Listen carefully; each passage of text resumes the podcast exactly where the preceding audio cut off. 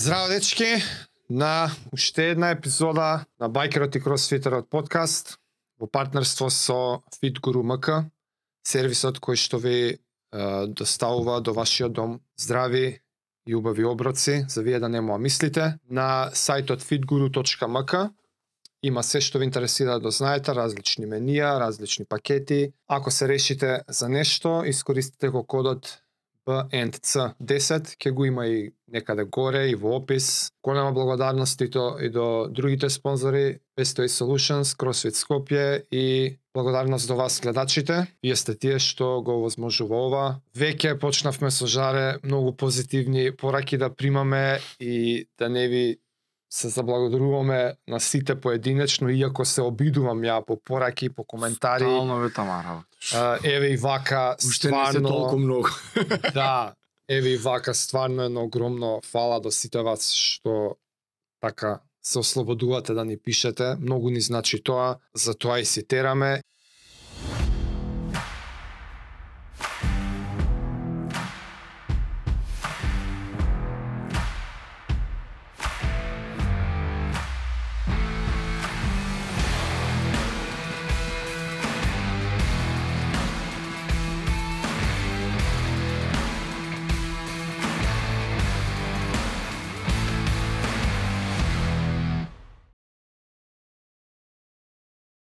И еве сме денес без гостин, само јас и Жаре, со Една... Да саѓаме малце, доставеше со да, три комада. со една нова тема која што и мене и на Жаре длабоко во срце ни лежи и одамна се спремаме да си ја поприкажеме. Еве сме најспремни мислам до сега. Да.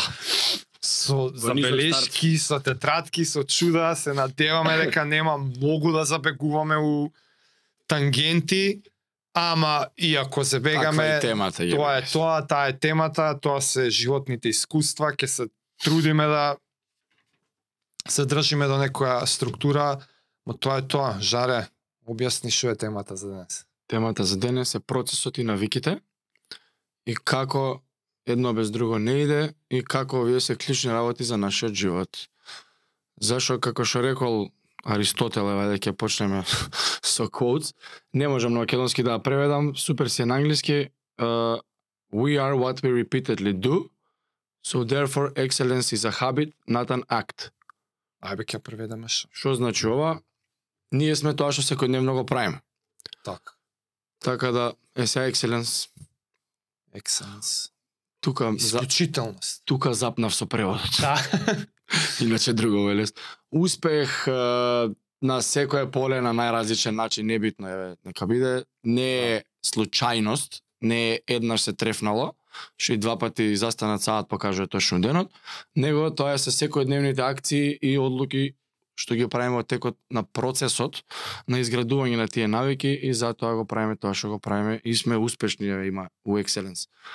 А, имаме бе екселенција. Екселенс. Се разбира дека уствари успехот не е случај. И оние муабети, тој талентиране ова она за било какви не спорт, него било која сфера во животот, се не постојат. Имате и мал милион книги за тоа од е, Atomic Habits, Power of Habit, книги за навики, има една што случајно е за тоа на Outliers, неколку пати сме ја кажале, И да, знам. Али во овие за навики е многу убаво го објаснува целиот процес и ја раз, го разложува зборот и навика, што е навика. Што? Е навик? Не е збор, него е чин. А таму ја почнеме. Да.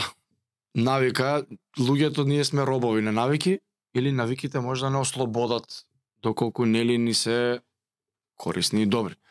Као на пример здрав начин на јадење или нездрав начин. Сега ние пак преку спорт тоа и го го врзуваме, ама многу пластично и лесно може да се објасни.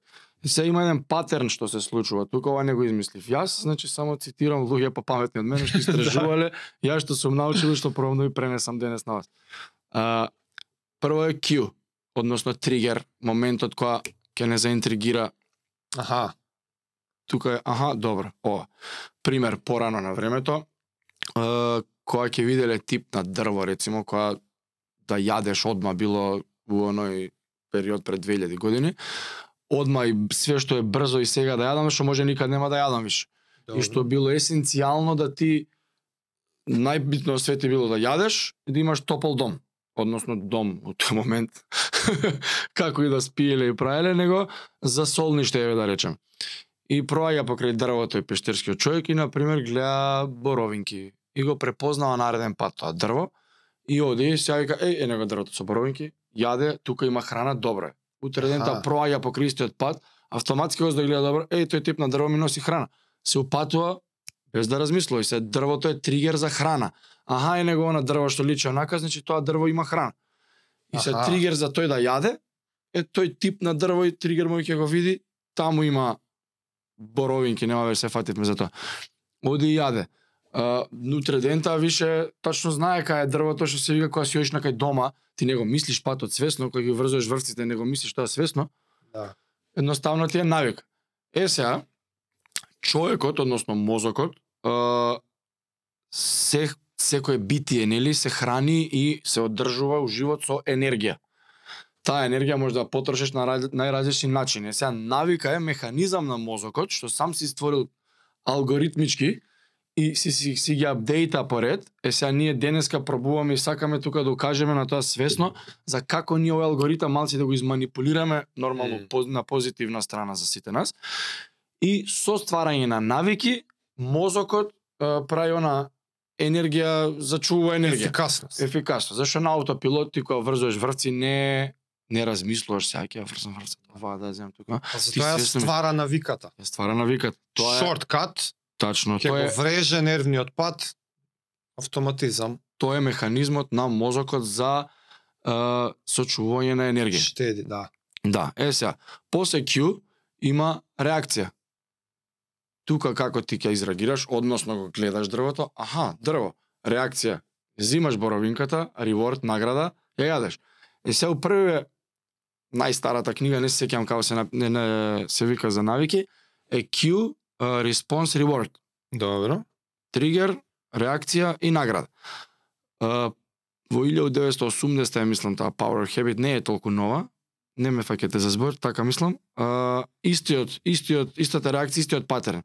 Се овој дечко во Atomic Habits, тоа е некоја најнова, најмодерна варијанта за навикиве, има додадено само, ама стварно човеков размишља на овие теми, свесно мисли, вика, што ако, на пример, има иста ре- има исти Q кај двајца различни луѓе, а нема не за секого на пример еве даде некој пример со кутија цигари.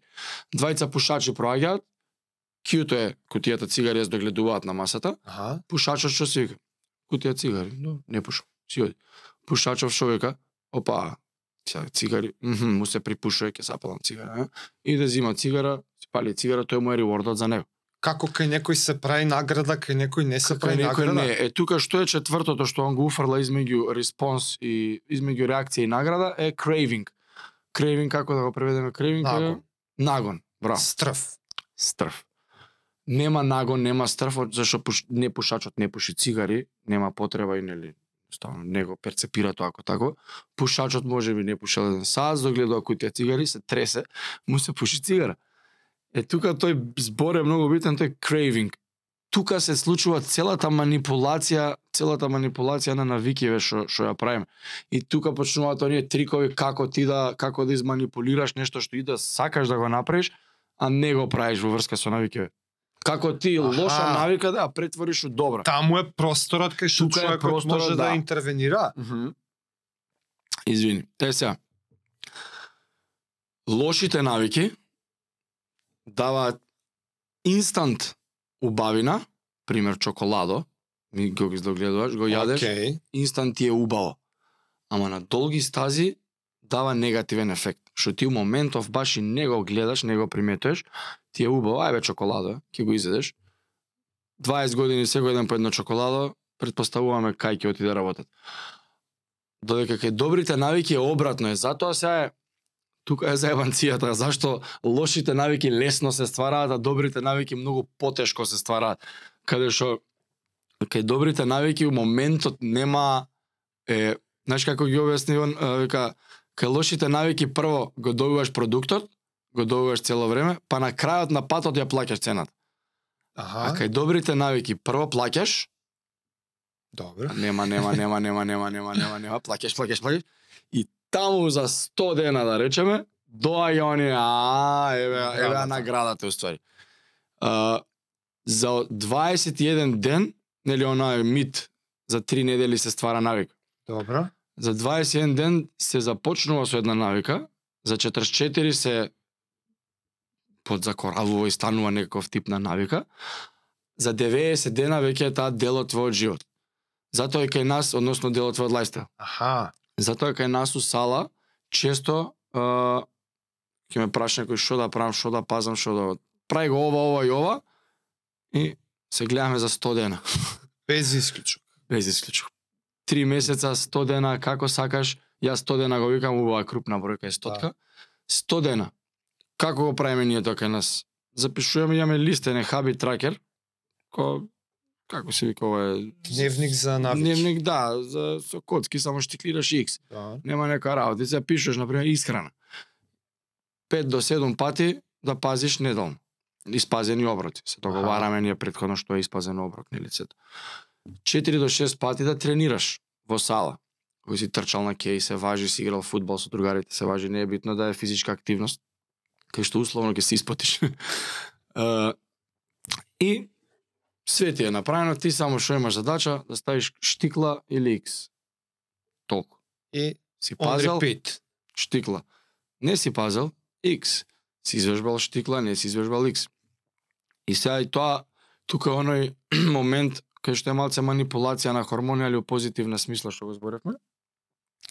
А, со самото, самиот чек кој ќе го ставиш, Аха, да. Има мален Допам, допамин има хит. хитче, има Да. едно хитче, да. Да не речам како оној на Инстаграм. Да. Е сега еве сме Едно, едно успешно рилче. Да, да, баш. Тој лайк или не знам што. А, али тука е го со лошите навики прво добиваме па цената ја плаќаме изгубеното време или на Инстаграм дремеш допамин хит, допамин хит, допамин хит.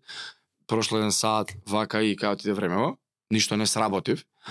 А као ова друго обратно ово нели прво работи, работи, работи, работи, вежбај, вежбај, вежбај. Ти на пример ако извежбаш еден тренинг денес, ништо поразличен нема да бидеш утре. Или ако денеска Од изберам тој, од јас... тој еден. Да. Денеска јас оброциве фит гуру сум ги дал на друг да ги изеде.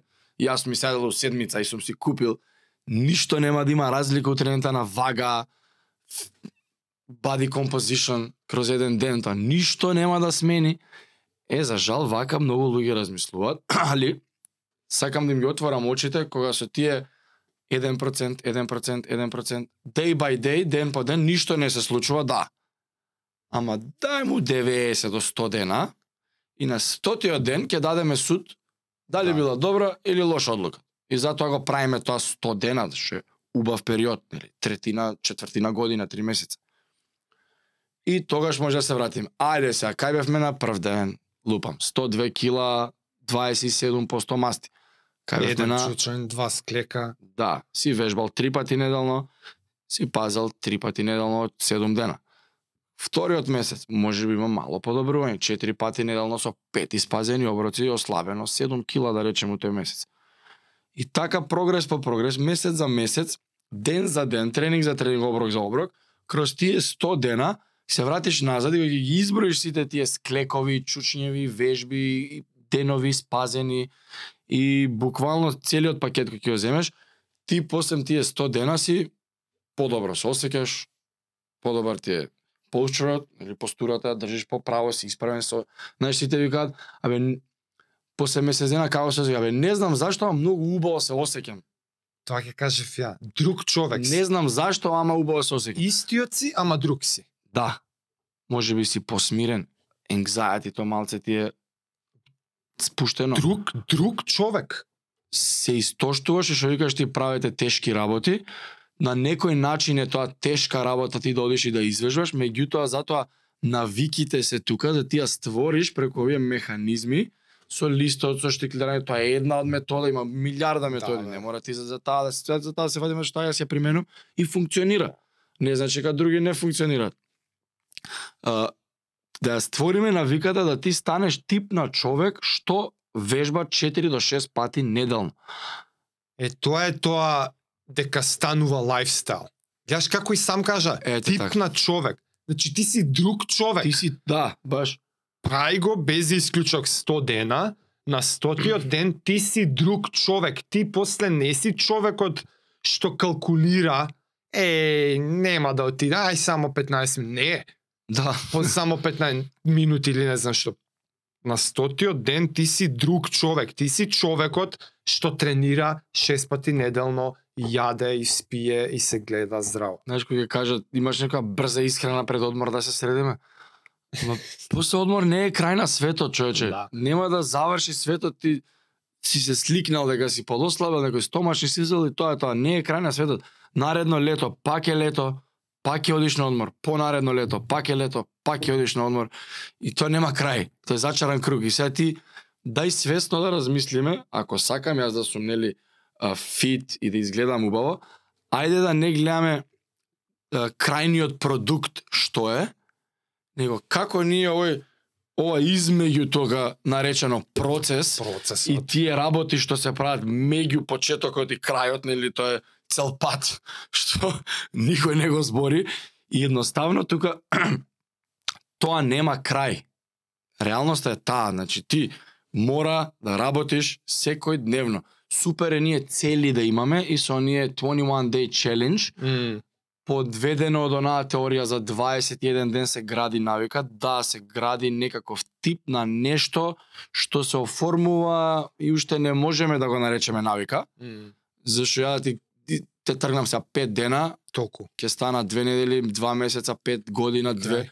Еј, пред две години? Се порам дека сум бил спортист. Забораш дека си бил ти со Да. два живота искуство Да, спортско. не не могуче нешто. кај се 21 ден? И зашто се лоши тие лоши? Не се лоши се што е добро да некој ослабне 5 кила и да си го подобри здравјето е добро, ама не се не се финалното решение тие 21 ден челендж. Може например некој секоја честа кој ги употребува да отпочне некаква навика и после тој челендж да продолжи, што што се случува на, на крајот на тој челендж. Леле, двај чекам утре 21 завршува, заутре ќе се разјадам, кој ќе земам да пијам некој ако тоа прави, знаеш, као награда е тоа што пробуваш да не го правиш. Е, малце ми нема логика туката. па ја нема трансформацијата. и нема шанси за 21 ден. Ќе ослабеш X, колку? Нека се 10 максимум. Да. Не си јадел, за тоа си ослабнал 10. И после што правиме? Ајде назад све. Значи не е тоа, не е тоа начин. Ние сакаме значи тоа да биде долго трајно, да трае и да се посветиме на day to day, ден за ден, тие 1% ситниците. Да, Знаеш како лайфстайл. може да уште еден тул е интересно, секој склек е на пример како глас што си го добил дека ти си Аха. тој тип на човек. Секоја Аха. вежба што ќе ја направиш е како некој да гласа за тебе. Да, ти си тој тип на човек, разбираш? А, За некој да го изгласа треба многу гласови. Да, Сега да, ја да, ако да, гласам, да. не гласам, еден глас. Ама знаеш зашто викам што се замараат политичари, секој глас е битен, ме разбираш? да. али има таа нивна теорија и пракса која превзееме ние за нашево. Бе, Секој као склек е еден глас. cool, да. да. Секој тренинг си добил уште еден глас. Гласаме за тебе дека ти си таков тип на човек. Секој испазен оброк е глас. Мини победа за Баш. себе. Win. Мини И се win. таа цел ние што ќе ја зацртаме пример 10 кила на крајот на месецот е супер до тој момент или еве ш- некој не еве банален пример, некој не вежба подобра метафора. А, се sign up за полумаратон. И вика сега ќе почнам нели има оние апликацијне from couch to 5k Аха. или тоа маратон, не е ни битно, тренинг програми, трчање. И вика сега се запиш се sign up за 21 полумаратон, маратон и почиња и 4 месеци и тргнува. И првиот ден е истрча 1 километар, Добре. мешано со одење, твоја работа. Тргни. Деј два пауза, деј 3 километари 100 и така постепено кроз 4 месеци таа програма те многу постепено, многу внимателно те Добре. носи до полумаратон. И ти трчаш полумаратон, супер си, све секоја чест за 4 месеца од ништо до нешто, и престанува да трчаат луѓе. Ај една недела пауза ќе направам, заслужив и 4 месеца, А. супер, заредив топ, истрчав 21 км пред 4 месеци, не можев, супер е тоа. Е се тука е крајот нели на патот и навиката згаснува, немаш зошто да продолжиш. Нема и тука се најчесто луѓе се увалуваат. Следен маратон, полумаратон и така натаму за да не е изгубено, вика тоа е супер метода. Јас тоа го направив. Слушаш така тера супер. Да, јас тоа го направив на пример во короната кога снимавме видеа со Неотел имавме соработка два месеца. А, секој ден 4-5 пати неделно. А, јас дома намерно од дома го правев за да не сега ќе одам у сала ќе го снимам видео и бенч да, па си правам и да беа дома, ти си и дома. на да. згибови, да, да може на да отклучам и од сала се снима праја луѓе, ама не за да се долови моментот од дома.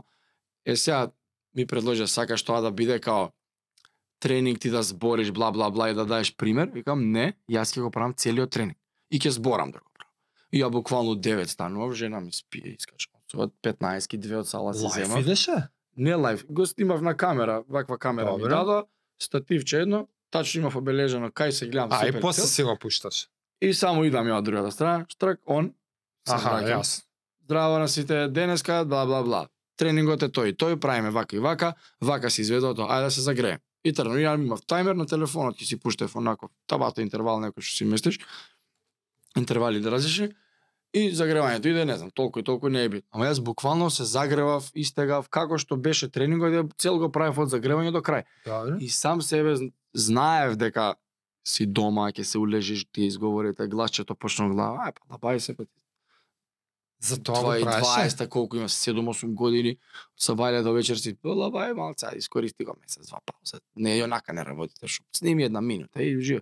Знаев дека нема да вежбам, што имаше тие полициски часови она, и дека ќе стане комфорно. Аха. Немаше бе, ја не сум ендуранс атлет да идам да трчам, немам статичен точак дома она. На тој тип на атлети може и не им смени премногу. Али јас Да, со бе, сала, стварно. кросфит, згибови, бе, бе, ми се фаќаше шипка, човек. Мора нешто, човек. Бенч ми се прави, ми се шипка до тегови да фрлам, ми се, не ти фали. Ја двете бучици, 15 сите тренинзи со тие. Другите ги раздадовме на луѓе по сала, за вежба дома. И да не биде сега оние зум, мум, знаеш, ме нервираат тие. Не, пак е А, боле нешто од ништо, све, ама аха. не ми се свиеше тој метод. Уживо, face to face ми е многу подобро, се добро се ситуацијата налагаш. Викам, добро, зашто не направиме сега ние на наш YouTube канал, ќе одат видеа, кога сакаш ти во денот, Мгм. ако сакаш утре почни го вчерашниот и никад нема да закастиш, кога сакаш пушти го, два сакаш од два. Добро. Што многу луѓе имаш, абе може од 6, а може од 7, а може од 5, и сега ќе дадат 7 души од 5, четворица од 6, 12 од 7. А сме на Zoom. Сега 3 сата треба да изгубам за истото, а немаме физичко ограничување кај што не ограничува. Сега беше пет тренинга Илјада луѓе може, да. И викам, добро, нека биде на YouTube. И сега јас намерно им реков, луѓе, јас ќе го правам цел по 25 пола сат видео. се. Ќе го правам јас, си го увалувам за јас да вежбам и тоа е тој тип нели што сам си го увалуваш. Е тоа е она со маратоните, ќе се Аха. после една недела се пријавувам на некој Берлин, нема врска, за 4 месец. И сега се спремаат за тој. И такви се тие некои типови на, на ситници што може да помогнат при градење на навики. Да, намерно си наеш нешто. Намерно, За да јас си го викам да си го увалам сам на себе, Да. зашто се знам каков сум и се манипулирам на позитивно, ама треба да си малце искрен со себе тука. Да. Што имаше некои други quotes? Чекај, не, немав други квоци јас. А, ком, тоа е за после за со процесите. А, добро, тоа е тоа. Немам јас други, тоа е после со процесите си влага. Па процеси навики што. Е сега, многу е битен целиот процес што го правиме, зашто на крајот на денот нели оној филмот што ти реков да го спомнеме да ме убиеш, не ми текно како се викаше со гимнастичарот. Се повредува, па не знам нешто, а, да, ќе го изгуглам јас после, не, ќе го ставиме у description. А, А, скеше дечко се повредува и нели цел филм го тренира некој тренер го враќа за не знам за олимпијада или за нешто кој мит на коледж беше гимнастичарски во Америка. И го води тренеров и нели цело време it's the journey not the destination, it's the journey not the destination и кога идет на планината и устари сваќа дека тој другарот кој му вика, «Бе, на кој му збориш ти цело време? Тука нема никој, нели на филмот на крај сваќаш, spoiler alert. а, да, бе. Сам си збори, да, да. Уствари дека Ама е го издаде филмот. стара е го гледале си.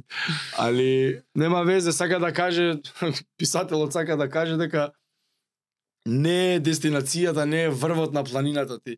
куп срања треба да проминеш trials Да. and tribulations Да, да, да, да. стигнеш ти до тој до тој врв. И ако секогаш се задоволуваме нели со оној end result, ќе биде добро. And now what? Сега шо? Затоа сега многу битно, ако спомнеме тука во епизодава дека еволуира процесот и навиките. И тоа што ти денеска си мислел дека е невозможно да го достигнеш, кога си почнал по патот, нели оној квот на 250.000 пати што шеруваат цело време, а, биди среќен, денеска си таму, кај што еден ден си замислувал дека ќе бидеш. Аха. Стил, и тоа стварно е премногу вистина и ми се случило мене, сигурно и тебе. И прво да си благодарен у тој момент, да си Да, кажеш да. супер е, топ, еден сањав да сум овде, сега на акшели го живеам овој момент. Исто како со подкастов што беше, ја не може да замислам, мене жена ми еднаш ме праша што би направил рандом некој муавет луп, што би направил сега на, знаеш, јас стално викам, работи го тоа што го сакаш, не дека нема да работиш ниту еден ден у животот, ќе работиш, ама барем знаеш зошто го правиш. Јас стално викам, барем не сум на шалтеру банка, се извинение до банкари ако има такви. Ама тоа за мене е хорор филм. Канцелариска работа, јас да Така, седам од 8 до 4, не можам едноставно, не сум тој тип на човек. И Знаеш, стално викам, барем понеделник ќе дојде тешко ми е 6 саба, ќе станеш темница, зима надвор едно друго, сикам, чути, нема да гомна, барем не си не треба банка да дојдеш. Да. Доста идеш сала, какара кикери се смее, вежбате сите тука. Тренинг че. Интересно е, да. И ми вика што би демек стално збориш демек тоа ау, што би направил сега милионер си од утре. демек. А, што би сменил? Би престанал до стило да водиш салава до ова до она. Па викам веројатно што би инвестирал премногу пари у салата и би почнал подкаст, вика, бе, тоа е единствената разлика, знаеш. Стварно? Да. Еј, подкаст не си нормален, ти ова, одма да Така го имаш правено муавето Жими се некад на времето. пред една година не е пред Јак. И вика и го си лутова она и сега до стилу као а, со салава шо као тренер. Бе, таму би ги инвестирал куп пари у тоа да би изградил објект од нула. Да, да, тоа да. е, нема нешто по огромно да е мултиспорт, да може, знаеш, по-огромен не фитнес центар, него спортски комплекс на некој начин, Да, ама да, да. тоа Кросфит Кој Академи. Да, кога би имал еден милион долари, нели тоа беше многу лесно, најдоброто, Да, све да. фитнес, дојдете, не прашувам за цена. Е, тоа би го направил и би пошел подкаде, ништо И ете го. спектакуларно мене не ми фали у животот да не знам што, не ме не ме пала тие коли тие работи, такви некои скупи сати или ова. Не ме не ме дразни тоа, не ме немам потреба од такви работи, ништо поразлично не би правил што правам сега. Може би би се ослободил малку повеќе од сала и би фатил со трчање нешто таков тип малце по поише би тренирал Значи сега си милионер. по, на некој начин. Кросфит коуч плюс Сами- подкастер. Да. И тоа само да кажам, Да, што ти што беше сум замишljал као милионер што би направил, уствари не сум јас милионер, далеко од тоа. Да. Ама еве сум те упознал тебе, си ме викнал едно друго, се споиле коцки на некој начин, дали Да. тогаш може и си им посакал нешто се остварило, што ги викаш ти со универзумот, ама едноставно Ете, и сега имаме подкаст, и еве збориме ние на подкастот во моментот тече епизода. И сега ти е тоа нормално. И сега знаеш како е? Порано беше порано, пред два месеца. И ке ај подкаст, а, да, да, да. Сега више Сега е нормал. кој кој ќе биде сега следен у понеделник? Сваќаш више и на другите им е нормално околу тебе. Што они се навикнале, се враќаме на навика, веќе ти десета епизода ова мислам, здрави уште 10.000 да снимиме. Да. А, еве, десета епизода ин, два и пол месеца. Значи уште малце ни фали за 100 дена да поминат. Да, да, и стане. е, Лайфстайл. идам у четврток да снимаме. А, добро, готово се. Еј, кој ви е сега, да ме? Кој е оваа епизода? Тој и тој. Еј, то, бра, сам еј, зашо ќе зборите ова? За процеси и навики. Еј, топ тема, браво, бла, едва и чекам едно. Сега веќе не е прашање дали, него кога и што. Да. И сега е следната еволуција. Сега веќе имаме ние подкаст, еве што што си разговараме тука. И сега Што што, следно? Подобри камери, подобро подобро. И сега влегуваш во деталите. Пр- дел Ама процес- гледаш, пак, ама го долови автоматски моментот. Немаме конкретно Не, цел. нема ендро. Не. Да, да, да. Тука си во процесот и што ќе искочи, ќе искочи. Да бе, Дека нели тоа сакаш да го доловиш. да. Кога си во процесот, не ти е ни фактор резултатот. Него ни перцепираш како да, тако. да, не е баш така, не ти е ни во перцепција. Знаеш, многу пати си кажеш, е, а, а она, преговараат луѓе, да отидам, да почнам, да не се упалам, да не со... Почни, тргни, јави се кај што треба да се јавиш, направи првиот чекор од процесот, отпочни го процесот. И тоа е нормално и не, не постои таков што не грешел, паѓал, Знаеш, и оние што ги ставаат како ти мислиш дека е патот до успехот, како е уствари патот до успехот, милиарда испреплетени да. ова или не. Да, ќе тргнеш, ќе за ќе се откажеш две недели, ќе нема да сега за вежбање се фати. Не идеш на тренинг се враќа, пак се упадев, леле и се зајбав тоа, сега знам дека тоа се зајбав кога прекинав. Сега да не прекинам, за да не ме боли пак и си научил нешто во процесот. И сега тоа знаење ќе го имплементираш. Нареден пат тргнува возот, и пазев на ден, која па јадев леп со кај ганата, па е ја бе ова левов требало да се исфрли, па дознаваш нови работи, па исфрлаш леп, па си ослал 2-3 кила. Е, сега е супер ова, па идеш понатаму. Па се усовршуваш и се тоа е never ending пат што вечно трае и затоа ние сакаме да ви го скратиме патот тука. И за да овие грешки да се избегнат и затоа се добри овие искуства да се пренесуваат. Да. И затоа ние носиме гости што преку нивниот пат ќе ги отворат очите и ќе скратат туги патишта што сакаат да одат по истиот. Ќе mm. каже тука има стапица, тука не оди, вамо ќе ти скочи змија, немојте текнувај ти одиш по тој пат и смут селинг ти. Нема, кога одиш сам по патот е нормално да грешиш и тоа не сакам да кажам не е ништо страшно и не е ништо невообичаено и не е ништо чудно. Тоа е спротивно, тоа е сосема нормално. И знаеш луѓе ќе се е 10 дена помина јас 2 кила ослабев сам.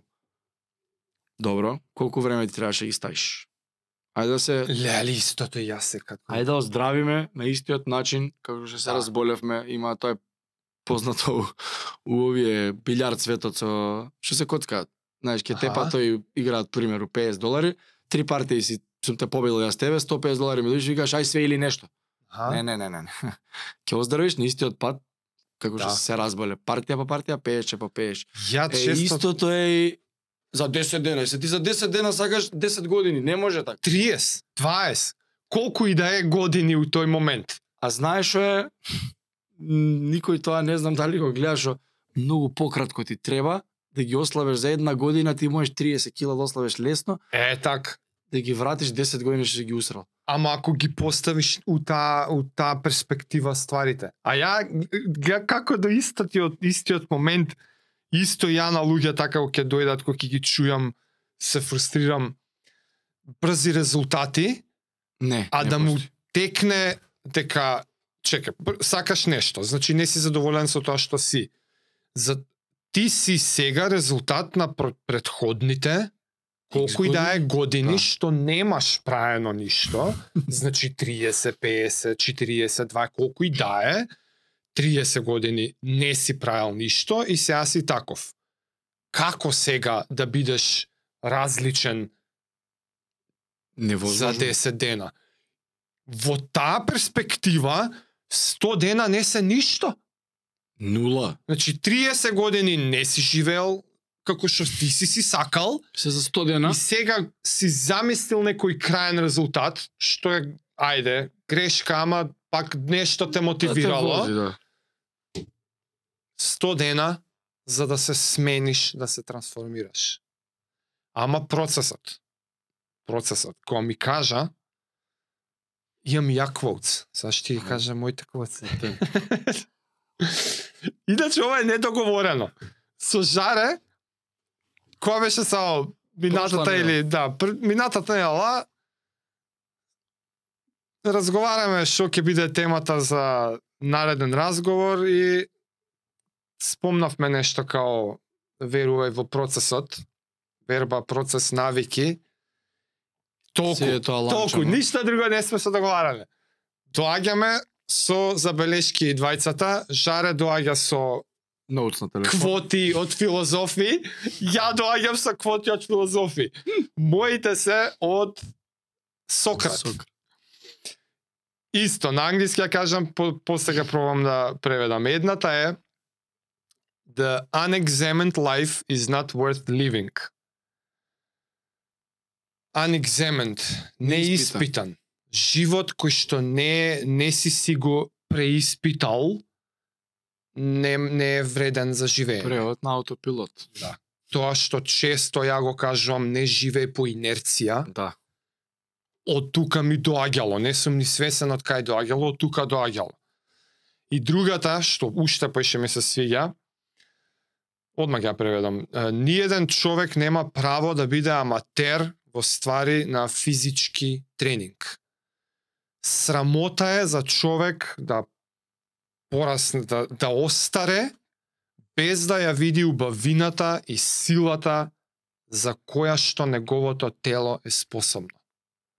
Ја, не знаејки, мислам дека цел живот живеам по мотото на ова. И мене ова ме тера да мислам дека нема исклучок кај луѓето. Сите живеат у телото. Кога збориме да се трансформираш во нешто, за сите, ја бар мислам за секој. Не ме интересира дали ти се свиѓа, дали имаш мерак за спорт или за некакво движење, физичка активност. Мене не ме интересира.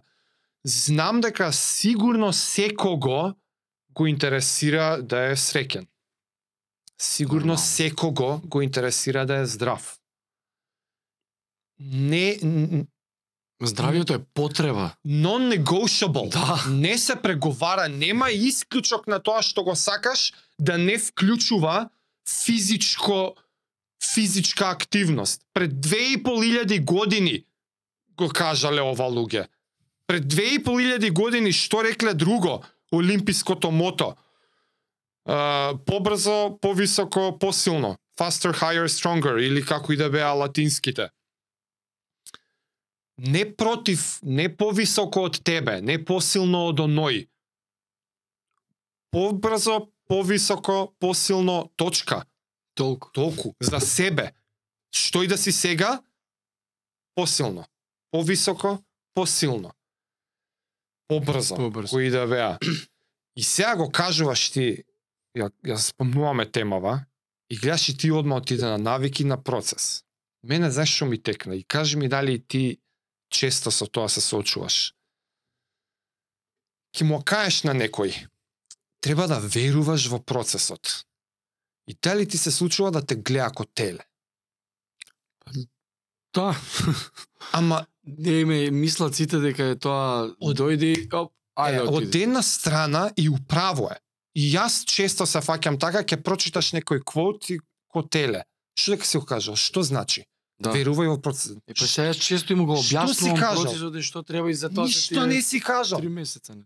И ја, ако ми дозволиш, мини образложение да, да го објаснам за ако некој го чуе тоа, да не ме гледа како теле, што точно значи, бар ја како го разбирам и како го живеам животот. Ја екчуали вака го живеам животот во себе, кога кажувам верувај во процесот, да ги разглобиме термините, процесот. Ајде. Од аспект, и ова е од аспект на физичка активност, тренинг, инволвирање на телото во твојот живот. Премногу современиот живот, материалистичкиот поглед на светот го има фокусирано нашето внимание да живееме само во умот. Се ни се случува во умот. Во некој верс. Задоволствата ни се во умот. Се што живееме е некој си е, ментално задоволство. Гледаш телевизија, се е некако вниманието ни е апарати. да вниманието ни се скоро исклучиво кон надвор насочени. Фокусот. Да, имаме сензори, сетила, што од надвор примаат информации и затоа мислиме дека, аха, окей, тоа е светот. Ама не е така. Вниманието е и кон внатре. И сега, што е процесот? Ја ми текна да искористам така од аспект на инволвирање на телото, кое што со секој атом вриска со сигнали кон нас кои што не ги слушаме.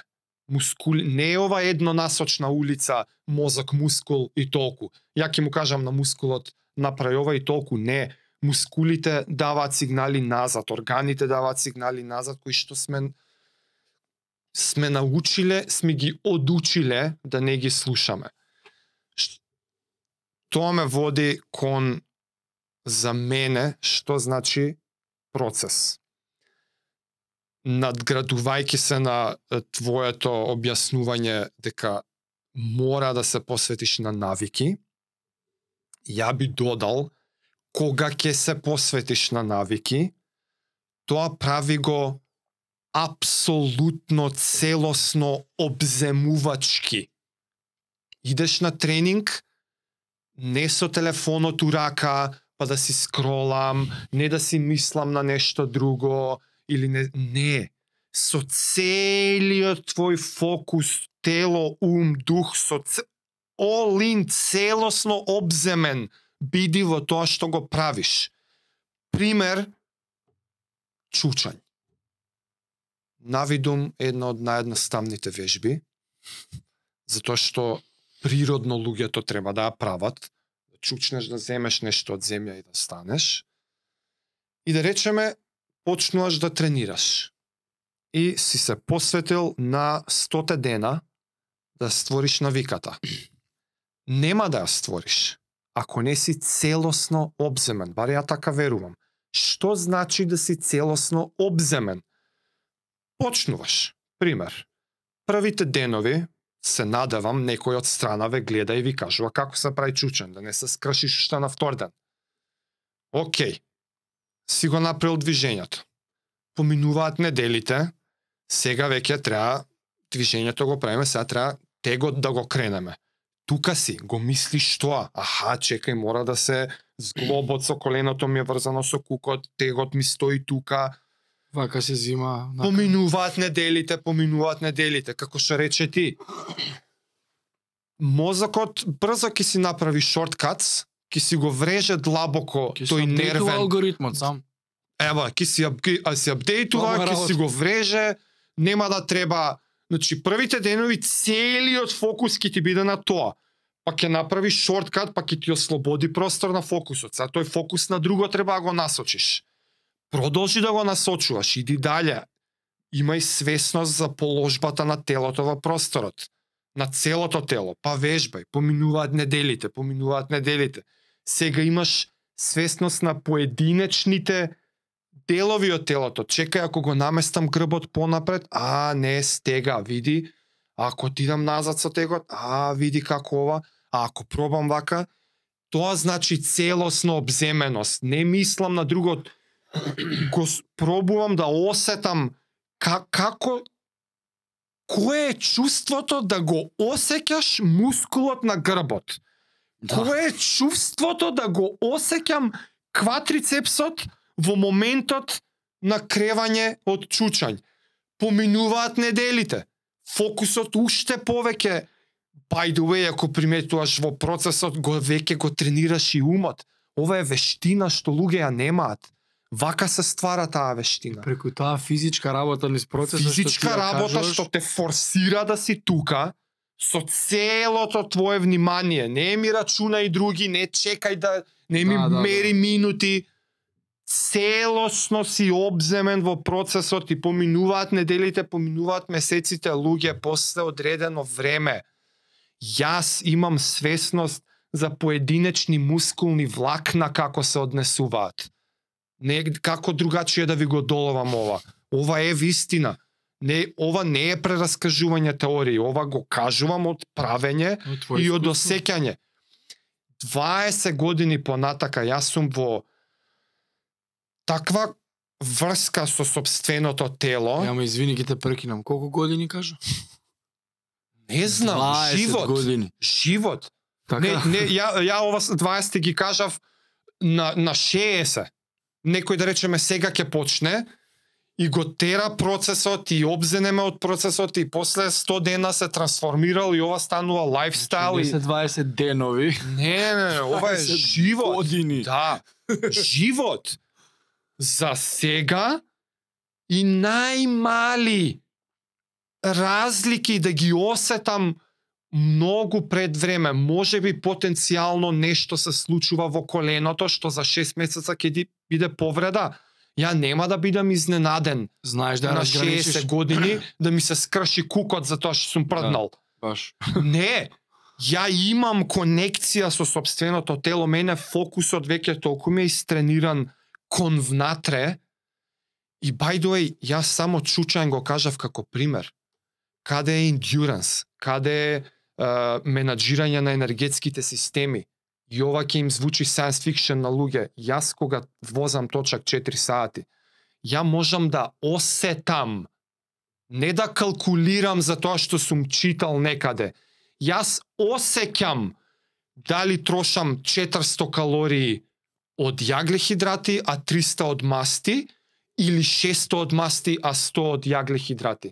Ја го осеќам тоа, не ми треба real time гликоза метар. Да ти мера, да. Ја го осеќам, не можам како поинаку да ви го долам. Тоа за мене значи процесот. Тоа за мене значи верувај во процесот, посвети се до тој степен за да се трансформираш комплетно. Тоа е таа трансформација и и зошто верувам дека нема исклучок кој ова да не го прави. Заради ова треба секој да го прави. За да ја за конечно да го врати и телото во, во формулата во тоа един, на тоа тело ум и дух. Премногу живееме само во умот. Тоа за мене И најбитната работа што Е, ја дава процесот. процесот. Најбитното нешто што нема пари на све овој свет што може да го купи. Искуството. Искуството е како што кажа 20 години. Ти знаеш колку е многу 20 години. Нешто да правиш. 20 Абе, не е ни години. 20 човек, 32. Уште поеш. Јас сум 39 и тој го памтам денот кога сум жив, почнал. Ја кога сум жив 32 имам, ти толку време Го памтам денот кога сум почнал на 7 години, се запишам на кошарка и јас сум 32 години носа, ама јас јас на 7 30 25 е мојот процес. сум се обземал. Јас не не слушам музики, не гледам на телефон измеѓу сетови. Ја стварно Мислите луѓе верувајте или не, ја може да се возбудувам вака, ама има причина зашто се возбудувам, затоа што премногу луѓе гледам ко, ко ти што проба да доловиш. Ке почне и ама ова ко, кога ќе биде? За, тебе ти за ствара. 20 дена ќе биде. И, и у старт почиња да преговара. А мора ли секој ден? Да. Ама готово, ич не почнувај. Ич не почнувај ако уште сега не си ни почната ми преговара. А, а мора ли саат, може ли 15? Не си спремен, Не. не си спремен. Дој, дојди ко ќе веруваш. Јас стално викам, ќе дојат кога ќе ќе се врати Дојди, човекот кој ќе Ко ќе свати. веруваш. Е сега ја имам сега цел секшн за тој првиот дел од темата во верувањето. Значи ова пробав да доловам што за мене значи процесот. Ама мислам дека и ти имаше, спомна имаш и ти сега за процесот да го елаборираш, За да процесот, не преминам ја на на верувањето. за оној момент на е, луѓето кои се споредуваат. Е. comparison is a thief of joy. Значи, споредувањето е крадец на, на среќата, на радоста што има. Се не можам бе јас сум почнал точак да возам еден месец, лупам пример и сега да кажам, Ема томе тоа тоа тоа вамо тамо кој киде онде за волко каче водно. Сега викам е тапа сум ја ќе престана. Добро ја ти колку дигаш ќе ми каже. Бе, Остави ме мене вече. Да. Кросфит има 10 години во Македонија, јас 9 и пол вежбам. Значи не се споредува не со мене, со оној, со оној, со стол, со столе, со петко, со не е битно. Глеј си, глеј си го својот пат. И твојот почеток е тука и не се замарај. Зашто да се споредиш со некој на 15 скалила кога ти си на второ? Нормално дека е повисоко на 15 скалила. Па ете го олимпиското мото. Да. Побрзо, повисоко, посилно. Не од било кој не друг. Од, по, Не. не. повисоко од него. тука затвара. А, тоа е тој момент што а, сега за жал е и акцентирам премногу со социјалните медиуми, затоа Што? што се што сите прават е условно кажано некој тип на споредба. А, тоа. Еј, видете, А, јас чушнав толку. Еј, види, јас ваква кола купив за друг пе, ваква од животот, за друг сегмент, не е важно. ја патував онде, знаеш, и се луѓето се споредуваат и верувам јеби га валјда и за тоа таа депресија и овие малце емпт ап у задниве пет години. Со не задниве пет, него од создавањето на iPhone од 2007-2008. Не знам. Така, десетина. Така кажуваат. Од искачањето на смартфонот, тие работи се малце по Анксиозност, по-појачано, депресија, губење Зашто? Зашто смисла. луѓе се споредуваат, што никој сами од себе нема во најлошо светло да се стаи на социјални мрежи. Нема ти како Аха. си за никој не става failed lifts.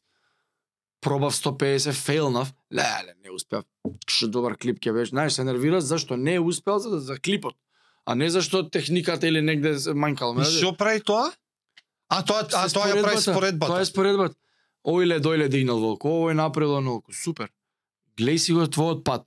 Зашо, на пример, со процесот, еве, ќе кажам уште еден банален пример. Шо ако сега утре стане некој тренер на некој кошаркарски тим, лупам, и целта годината е да се шампиони. А системот и навиките и процесот што се дешава од пред да почне тренинг камп до задњата такмица финале, нема врска. Нас цел ни е да бидеме шампиони. И се каснат на тренинг, глупа некоја програма, играат на два коша цело време, нема дрил, одбрана не се става акцент.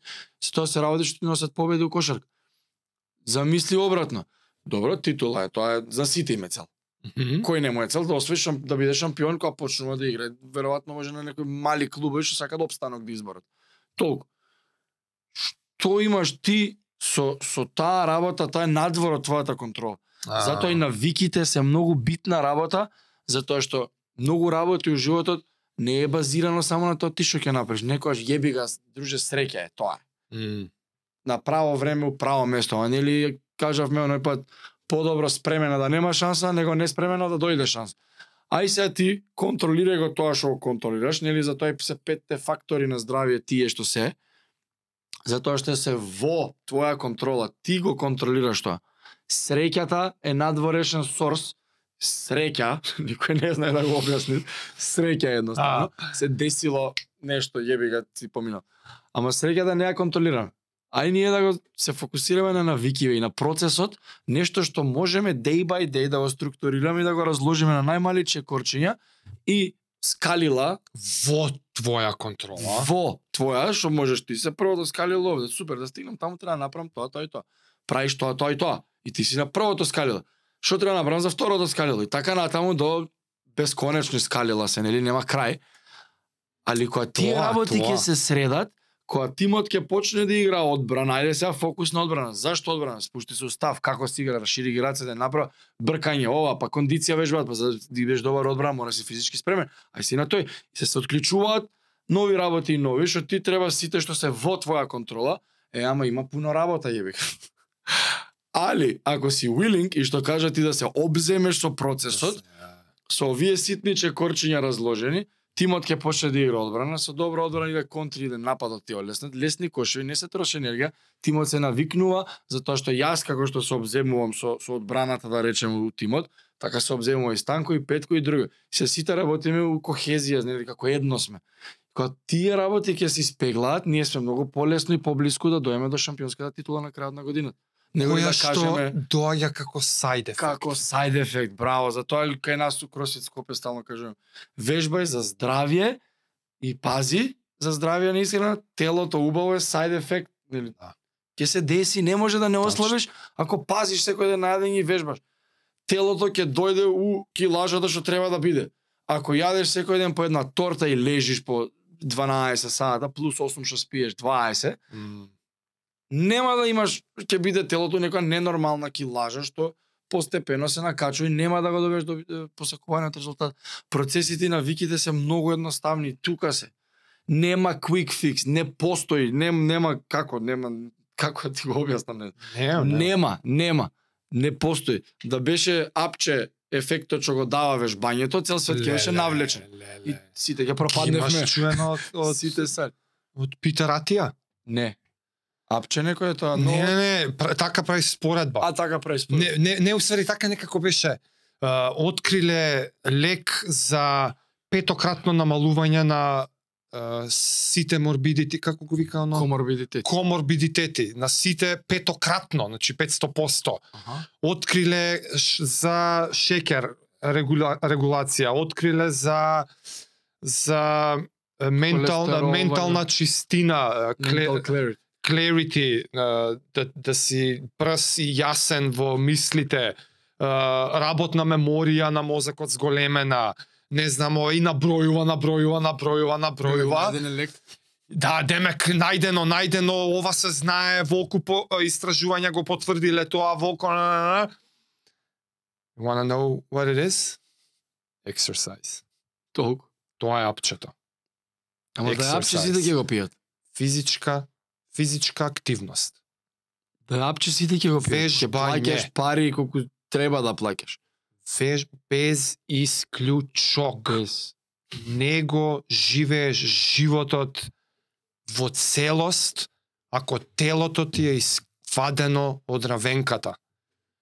И тука, ако ми дозволиш, ја ќе се префрлам на верувањето. Ајде, изволте. Оти исто, Ова е Во- верба, билив, така му да? ве, да, дека Да таму во почнавме, процесот, уствари, да. дека таму почнавме да веруваш во процесот. И пак ќе се вратам на примерот која луѓе некојаш со право те гледаат ко теле кое им кажуваш, затоа што зборовите сами по себе ништо не значат ако не даеш пример, ако не пробаш да доловиш малку поинаку и повеќе што уствари сакаш да кажеш. Пак, од мое лично искуство тргам. Верувај во процесот, вербата. И не джабе речников у наредниве неколку минути ќе звучи, не знам, религиозен, затоа што некои од ствариве стварно за мене се духовни. Имаат друга длабока вредност. Джабе збориме. Која, сега на нек, да речеме некого треба да убедиш да вежба. Нели тоа ни е целта. Да. Од секоја епизода бар еден Мотото. да реши да си го смени животот, ние сме срекни. И затоа се обраќаме кон сите. Арно ама, тој некој може ќе гледа, може ќе рачуна, спомнавме, треба да нема, да не преговара од одма. Еј, ај ќе пробам, ама не икам толку, сакам волку, ич не пробувај. Не, значи не си спремен.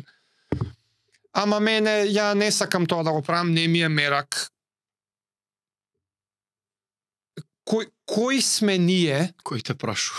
кои сме ние како луѓе и кои сте вие и ние и сите толку егоцентрични, арогантни и кралеви на светот да мислиме дека секогаш треба да правиме тоа што сакаме и тоа што е убаво.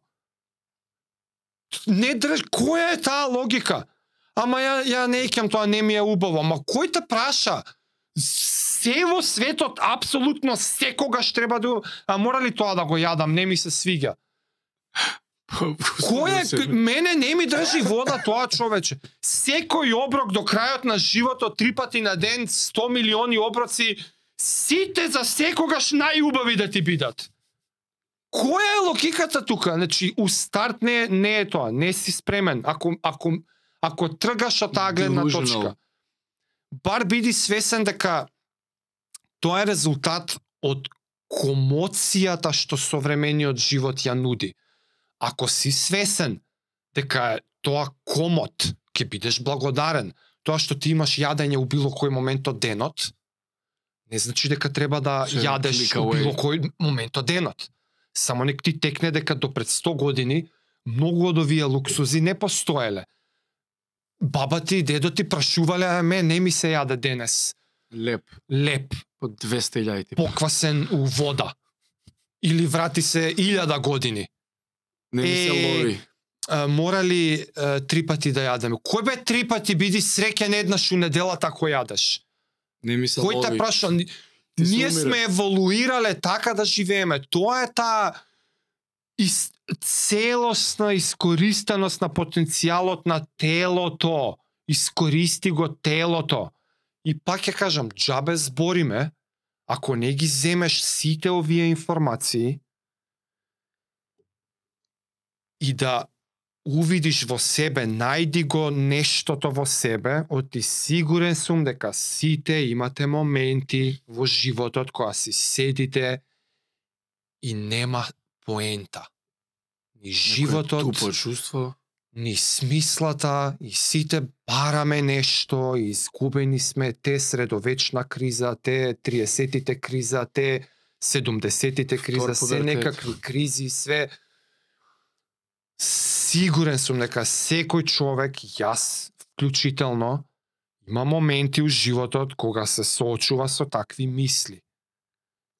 Најди ја таа, собери ги сите овие примери, најди го тоа некое жарче во себе, што ќе ga почне таа верижна реакција за во моментот кога ќе решиш да превземеш нешто, да го инволвираш телото во твојот живот. Физичка активност, вежбање, да си обземен и да веруваш со целото твое тело и ум и дух во тоа. Ја на тоа мислам кога кажувам верувај во процесот. Не да ми рачунаш да ми броиш минути кога ќе заврши. Не да чекаш да ослабеш 3 или 7 кила за 7 дена. Не да ми преговараш мора ли три пати, мора ли два пати. Ако ти влезеш во таа трансформација, почнувајќи од тоа целосно обземено верување, што е мет... Еве банален пример имавме прошлата епизода гостинот. Кога се скршил. Е, е, У кревет 6 месеци. Само ви чекајте, дајте ми времена. верувал Скршен. унапред. Не му значило дали е 6 месеци или 12 месеци. Дајте ми верувал, време. дајте ми време кој ќе дојде. Ќе дојде, а и ќе за дојде. тоа е така како што е. Да. И за тоа сакам да кажам, ако не сте таму, ако не сте во таа фаза, во, та, во таков мајндсет, џабе ќе почнете. Ни 100, ни 30, ни пе- 50 дена нема. Ќе ќе направите нешто, ќе се врати, некој друг ќе биде пак крив. Кај ќе го фокусираш За фокусот? мене, за мене тоа е верување во процесот. Процесот го објаснивме што е. Верувањето ја пробувам вака да го доловам, за тоа што и пак сега ќе се вратам мотивиран сум од едни други квотс. Овие се од а, Бил Бауерман, е легендарен атлетски тренер од Америка и е коосновач на Nike, by the way. Он е у подрум сам ги има првите Nike Филмот со Стив направено, Прифонтейн. Стив Прифонтейн филмот. У еден момент Бил Бауерман кажува вака. Ова на англиски па преведеме. Се обидам. Become a student of your event. Еве го тоа целосно обземено. Студирај го тоа што го правиш. Во овој случај збори за, за трчањето. Ке кажам running, ама ова значи за било каква активност.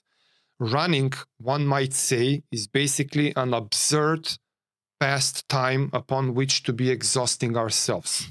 Што и со право многу луѓе ми имаат кажам, «Ама што трчаш бе глу? Абсурдно е за, зашто? Трчаш со сати, акаш кој кој не не нормален со сати. But if you can find meaning, значење in the kind of running you have to do to stay on this team, chances are you will be able to find meaning in another absurd pastime life. Ете го тоа кога сите си седиме у некои моменти од животот соочени со некакви си меланхолични мисли на што е поентата, што е смислата на животот, има ли значење сето ова и зашто да вежбам, која утре па нешто ќе се случи, нема Зна, значење meaning of life, значење на животот е животот. Процесот. То, жив, живеењето.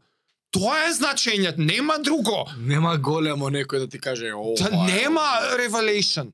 Не дека ја проповедам са некој месаја кој знае што, ама Тоа е. ама тоа е абсурдно е, да.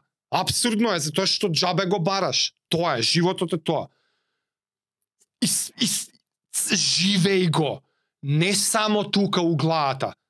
Не само иднина. у живеј го во целост, со тело, со сето, во конекција со себе. И тогаш процесот ќе ти дава задоволство.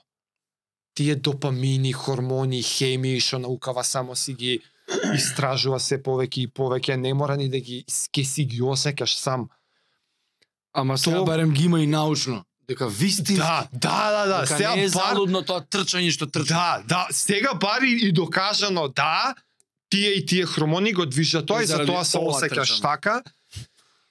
Тогаш и процесот ќе ти даде задоволство и на крај кога ќе сватиш ти преска кажа го ували убаво и нема крај. Нема. И ќе сватиш дека нема крај. Не 100 дена, не 10 години, не Секогаш не 3 недели челендж. Нема крај. Ама ако си ја доживеал трансформацијата, И не Да бараме ти крај, стане- не сакам да има крај. е така, да ти стане лайфстайл, физичка активност, инволвирање на телото заедно со умот. И кога процесот ќе ти биде задоволство, фактот што нема крај ќе биде извор на среќа, Уште појако. не на депресија. Затоа што нема крај оваа убавина. Значи цел живот, ако ја го посветам на ова, ќе го е, жнеам задоволството и среќата и исполнувањето. Ја често со гостите сум толку благодарен и го користам тој термин како да имаш вака кофи што треба да ги исполнуваш со задоволство, со исполнителност, со некои убави чувства. И нема крај на Нема. кофите, на местата, нема крај на задоволството и исполнувањето на животот што таа трансформација и тој процес го дава. Затоа нема исклучок. Затоа секој треба да прави. И затоа се вика верувај во процесот. Бог кажа ти нема крај. А, ќе стане лошо, ќе ти биде мука. Бурата ќе помине. Секогаш. Фала. Нема н- нема исклучок. Знаеш кој ќе ми кажат некој така леле тешко се овајкам. Издржи во третиот сет, тука е бурата. Еве доаѓа. Издржи го овој сет, кога ќе дојде четвртиот, многу си поблиску до петиот, крајот е тука блиску, поубаво ќе се осеќаш. Третиот сет е она гадното, страгалот ментален. Rest at the end, not at the middle. Бура е ќе помине, секогаш проаѓа. После дождот што иде? Сонце. Денот, Фала. денот кога почнува? Во 7 са бајле, 5 са бајле, кој изгрева сонцето? Не, од 12 На ние полноќ. на вечер го викаме. На полноќ. На полноќ. На полноќ шо е? Сонце има, изгревано сонцето? Мртва темница е, потемно не може да биде. Ама it's always darkest before the dawn. Секад темно Секогаш пред е најтемно пред зората, пред да изгрее сонцето. М. Да, пред да заврши вежбата од 5 сето и во третиот е одвратно. Тука е 12. Па идеме понад. Е, се разденило, завршило, почнал нов ден. Сме се разбудили ни од спи. Значи, и оваа бура ќе помине. Тоа е многу битна алатка што мене многу ми помогнало и кога трчав полумаратон и сега ќе се спремам за Тара, идеме на обстикл корс во Мгм. Тара, дали у Босна, појма немам кај која држава. Тара Планина. е Србија. Србија е Тара. Тара е Србија. Србија, некој Босна, вие Србија кажаме коригираат Босна, ево на Тара. Може на граница. обстигал корс 12 километри. И ќе се спремаме за тоа. И секи кој се спремаме за полумаратонот нашев Скопскиот. Истото беше тешко ти што трчаш, се спремавме Палас, а, Жабар, не Палас, Влае, Мгм. 5 километри, назад, Мгм. па до Палас, па до Жабар. Мгм. Ти сега кажеш ти почнал си 16. се вратил 10 километра и кажеш леле, колку е близко и не ми колата паркира. Ќе помине бурата. Ќе тргнеш назад од Палас, знаеш дека е тука крај. И тука свесно мораш да си ги изборуваш овие работи. И да, ние не викаме дека е лесно, не е лесен процесот, да беше лесен сите ќе го правеа. Сите ќе има супер фит тела и ќе беа супер атлети и целиот наш свет ќе беше најздравото место на живење и не знам што. Ама не е воопште лесно. Боли, утре дента боли, има упала, има ова, има она. Ама и тоа ти е убаво. Се навикнуваш. И Убаво тоа ти е, убавината да, си ја бараш. Да. У, ама сум упален. Ги скинавме граите вчера, знаеш. Джиле кој Ама ова, знаеш како абсурдно им звучи на луѓе што не ја доживеале трансформацијата. Да. Ама луѓе мора да го направите тој скок. За тоа е верба. За тоа што е скок на слепо. И за тоа од вас мо е така, leap of faith, скок од верба.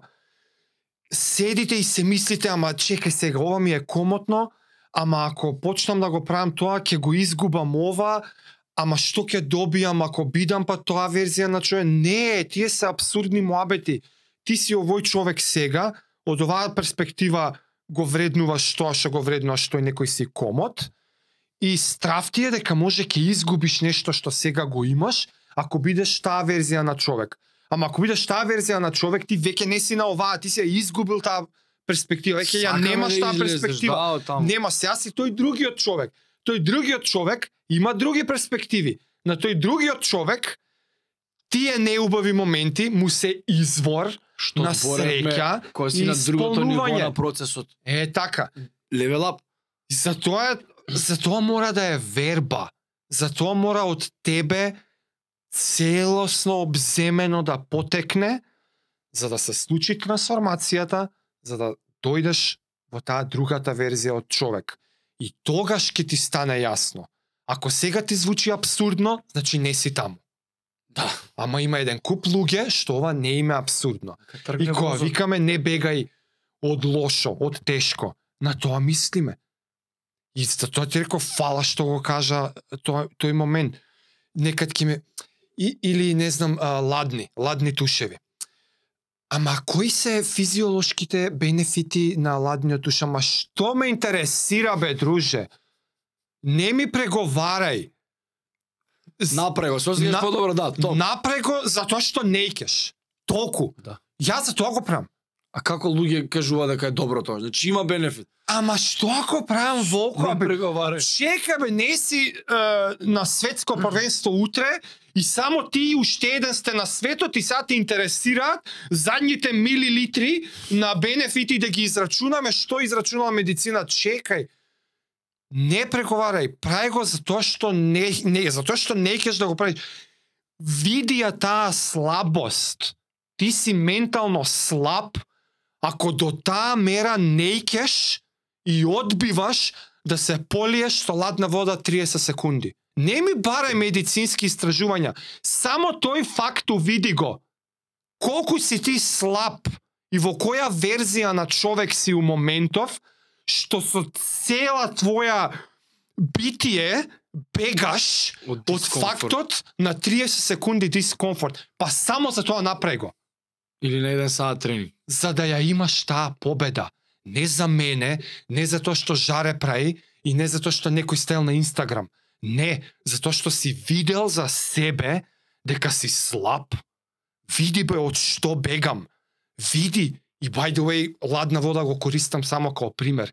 Исто важи и за станување у 6 да тренираш Да. или да отидеш на тренинг затоа што не ми се тренира, знаеш колку не ми се тренира, се зафатив сега, реков, squat every day.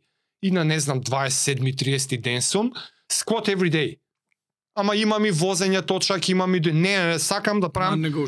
Не ми се прави чучањ секој ден. Како да се правите болат нозете? Не ми се, се- знаеш како умира. се сам шамар си мам, седам вака, седум и пол, сум однал керката на школа и почињам си преговарам, е, ај прво ќе пијам кафе, е, па ќе дое фит гуру у 9, е, ај ќе јадам прво, пол стомак да. е, и после ќе чекам, ќе отидам у 10, ама чекај работа да фатам, Јоп, ко со ладниот уш, каде бе, ало? Поло седум и пол е. Значи, луѓе, за тоа зборам, може вака и арогантно. Тргам од себе, тоа на себе го правам, и за Да. себе го мислам, и за себе се фаќам кога сум слаб. Каде со кој преговараш? И by the way, Conquer your inner bitch. 32 години атлета кој што седи и не знам од каде е тоа. Се прус, се присутно е во универзумот. То, та, тој предизвик за цело време да нешто ти кажеш, седи бе Мирен, седи бе гледај што е убаво. Оп, не, е за тоа ќе станам ќе направам. Исто и со ладен туш, исто и со еден куп ствари. Не ми барајте, ама зашто, ама како, а може ли 5 минути, не си таму. А ако си трансформиран, ако веруваш во тоа, идеш и го правиш. Ама и тоа ни е останато од пред 2000 Ни години. еден ладен туш не ми бил убав до сега. На кој му е? Ни еден. Ама секогаш после ладниот туш, после- колку ти е убаво? И пак, знаеш, некој ќе си помисли, е, да, убаво е, ти доаѓа топло, ти доаѓа допамин, ти доаѓа и трае допаминот до... Не. Убаво ми е затоа што знам дека пред 30 секунди Не сакав да. бев слабак Да, да. и го победив тој. Таа верзија од човекот што не икеше, ја победив. На, in your face. Ај the утре што има? Што има утре? Ти пре, ти пресекол некој пат на улица. Фала. Да си жив и здрав. Да си жив и здрав. Ама и тој момент има пак тука delayed gratification. Пак треба да платиш цена за после тоа. Ти како каже, ниту еден не ми бил убав. Плаќаш цена, добиваш, е се тука е случајов, малце побрзо добиваш. После 30 Да. секунди Да, одма, одма има... облекуваш наплив. некаков тип на облека, ако е со долги уште побрзо, ако е со кратки поспор, искачаш на сонце. Опа, не е толку топло надвор сега. Убаво ти е Абе, лето, например. да. Супермен си, човече, у главата Топ. си супермен. Ама и сега со овие физики, сајенс науки што ги кажа. Само ги докажуваат ефектите. 200, значи 200% го покачува допаминот, серотонинот и што уште не. Да. Што луѓе пијат апчиња за тие работи. И трае после не знам колку Ама време. овој трае и не ствараш толеранција на овој допамин и на Да. ендорфини, на серотонин што и да не. И после Само еден пример, да. исто тоа го прави, кога се исподиш тоа задоволство и ладен туш денот и да си се истегнал и си завршил работа. Си завршил работа. Тоа е тоа. Ја ги поминав моите забелешки. Ти провери си нешто да не забориш. Уште една само за delayed gratification имам. Зашто Delayed gratification. Одложено задоволство? задоволство. Одложена награда. Одложено Зошто е награда. тешко да направиш добра навика, зашто е лесно да направиш лоша навика, тоа го кажав. Ама тоа ни е врежано исто пред 2000 години. Зашто тогаш било прво најди за солниште прво. Ако е топло тука, легни спи.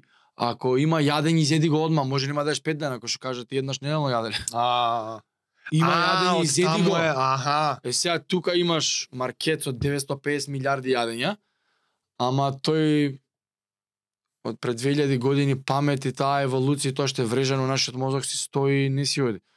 Е сега ние сме во овој модерен свет со 1350 статистики и научни докажувања што све не. И можеме свесно и знаеме да позитивно, па ќе кажам, го манипулираме се. Да.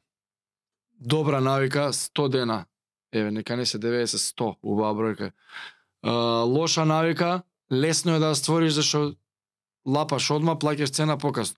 Добра навика, тешко е да ја створиш, зашто плаќаш цена, кој сака да плаќа, да добие за се кола на ново, неки дека купи сега Ама некој. одложено, ја Знам, за добиваш. година и пол ќе дојде, може и цената поголема ќе биде. Да. Е, буквално е моментов тоа за добра навика. Значи плаќаш сега, кој знае кога ќе ти стигнат бенефити. Ама ќе ти стигне. Ќе стигнат. Одложено. Не Задоволство. се споредувај со другите, ако ти наскалило едно не наспалило 15, ништо корисно нема у тоа и не се ни споредувај точка. Споредувај се со самиот себе и победи некој, ако било 30 секунди вчера, нека биде 31 денеска. Да. Big deal, секунда поише си испад. И за delayed gratification, за одложено задоволство, дека уствари у овој момент сите тие работи ние му направивме на овој мозоков, наши целава еволуција малце reverse engineer модерно во општество. М? Зашто сега све е со delayed gratification, што е добро и корисно. Зашто што тогаш може немале за јадење Аха, да имаат морало да улови некој, ако има јади, кој знае, може нема да, Да, утепаш, да, да. може ќе умреш. Да. Имале пократок животен рок, чи ќе те изеде лав Да, или да, да. тигар за пет вак. И не знаеш дали утре ќе преживееш. И сега модерно што со се тоа е обратно, не јади све што не бутај у уста секое јадење што ќе го најдеш, зашто ќе бидеш дебел тоа нема дебели луѓе од што да. Нема Да. калории кај ќе ги најде да ги роди. Да, да. И сега општеството е све обратно. И се пак 21 век, 2023 свесно го знаеме, гледаме, читаме, учиме. Ајде да го искористиме позитивно, да го изманипулираме се во ово и за тоа правиме епизодова и да отвориме очи ако Така некој не го знаел ова. Примени ги сите тие информации, биди свесен за себе, патали другите и така и ќе завршиме. И верувај во. Верувај во процесот. Толку од нас. Толку имаме за денес, дечки. Фала уште еднаш што не изгледавте и слушате и оваа епизода, па до наредна недела. Поздрав! Поздрав, имајте убава вечер.